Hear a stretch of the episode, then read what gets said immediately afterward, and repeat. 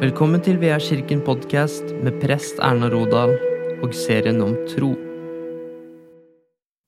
Velkommen til VR kirkens podkast og serien om tro og Guds omsorg og nærvær i hverdagen. I dag vil jeg snakke om å blikket festa på Han som er troens opphavsmann og fullender, og starte med å lese ifra Paulus brev til hebreerne kapittel 12 og vers 1.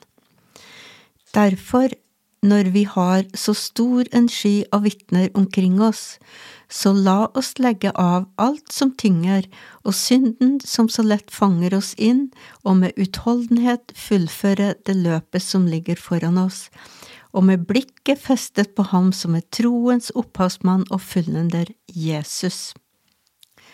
Paulus skriver det her til hebreerne for at de ikke skulle miste motet, men for oss i dag så er det kanskje like aktuelt. Omstendighetene som Paulus og gjengen sto i, var ikke noe bedre enn det som vi står i i dag, egentlig var det kanskje verre. For Paulus og gjengen, de hadde ikke noe faktatall om kirkevekst og suksess å vise til som kunne oppmuntre dem, eller som de kunne stå i tro for. Og eh, det var ikke sånn at eh, folk sto i kø for å ta imot Jesus som den lovede Messias på den tida heller. Men Paulus visste hvem som var oppdragsgiver. Disiplene og Paulus opplevde både forfølgelse, og de ble putta i fengsel, de ble slått og piska, og mange fæle ting, og de var trua på livet.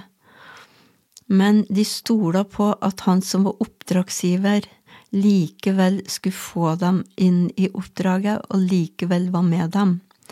For de kjente Jesus, de hadde gått sammen med han, de hadde sett de undrene og tegnene Jesus hadde gjort, og da han like før han dro opp til himmelen, så ga han dem et oppdrag, at de skulle gå ut i verden og gjøre alle mennesker til hans disipler.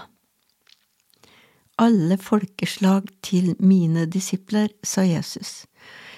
Men omstendighetene rundt det de sto i, så jo ikke akkurat så oppløftende ut.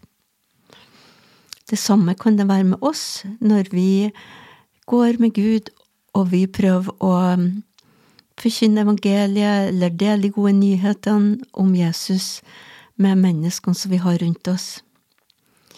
Vi lever i en verden som prøver å fortelle oss at Norge blir avkristna, og at Europa er sekularisert, og at det ikke nytter å bygge opp Guds rike, og at det blir bare mindre og mindre folk som går i kirka, og færre og færre som tror på Gud.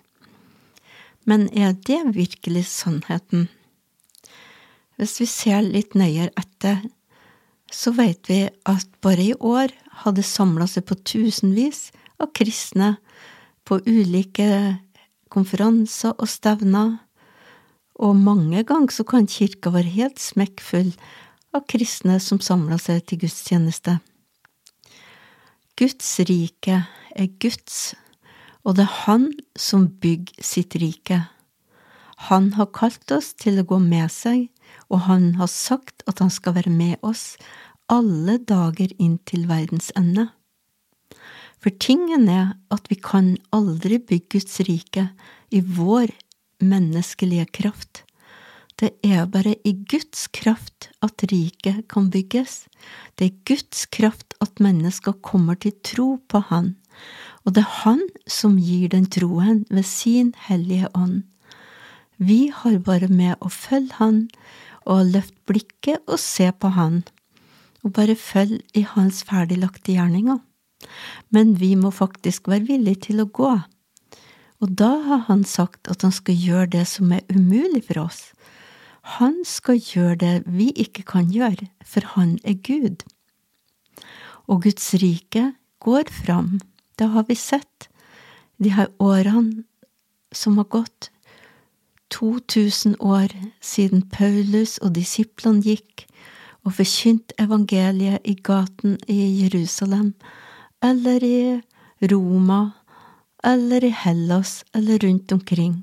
De hadde aldri tenkt, antageligvis, at de kunne gjøre det her på egen hånd. De skjønte at de måtte feste blikket på Jesus, for det var han som skulle gjøre det, og det var de fullstendig klar over.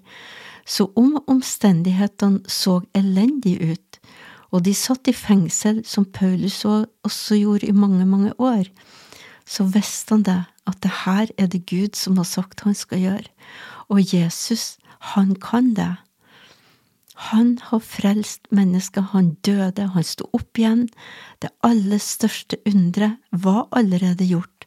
Mennesket var satt i frihet.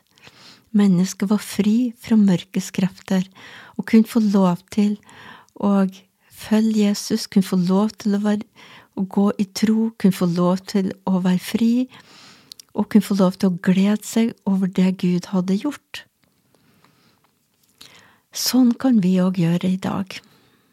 Selv om at vi av og til, omstendighetene kan fortelle oss det at, eh, at eh, kirken blir jo bare mer og mer tom, og eh, folk slutter å tro, det blir mindre og mindre tro og mindre og mindre penger til kristen virksomhet, så veit vi det at det er faktisk Gud det her kommer an på. Det kommer ikke an på oss, men på Han som er troens opphavsmann og fullender, Jesus Kristus. Det kommer an på Gud, Han som har skapt himmelen og jord og alt som lever, og det er Han som er vår oppdragsgiver.